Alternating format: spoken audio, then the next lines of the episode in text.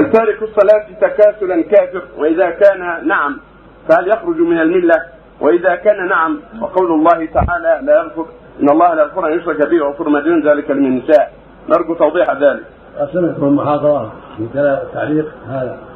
قال من تركها كفر من تركها عمدا كفر الصحيح من أقوال العلماء من تركها كفر وارتد عن الإسلام وما يكون زوجته حتى يتوب إلى الله في ذلك ولا يغسل ولا يصلى عليه ولا يدخل مع المسلمين هذا هو أصح واصح. ما قيل فيه من أهل العلم.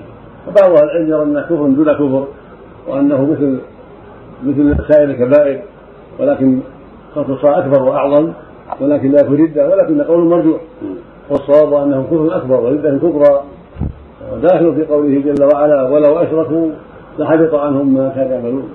لأن تركها كفر وشرك نسأل الله العافية. وداخل في قوله سبحانه إن الله لا يغفر الشرك فإن تارك الصلاه مشرك كافر. فداخل في الآية الكريمة. وليس داخلا في قوله وله ما دون ذلك من يشاء. ترك الصلاة ليس دون الشرك بل هو من الشرك. ولهذا قال النبي صلى الله عليه وسلم بين الرجل وبين كفر الشرك ترك الصلاة نسأل الله العافية.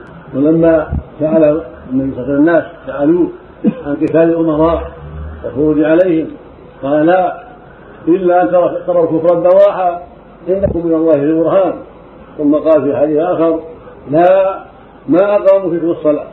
فدل ذلك على أن ترك الصلاة كفر بواح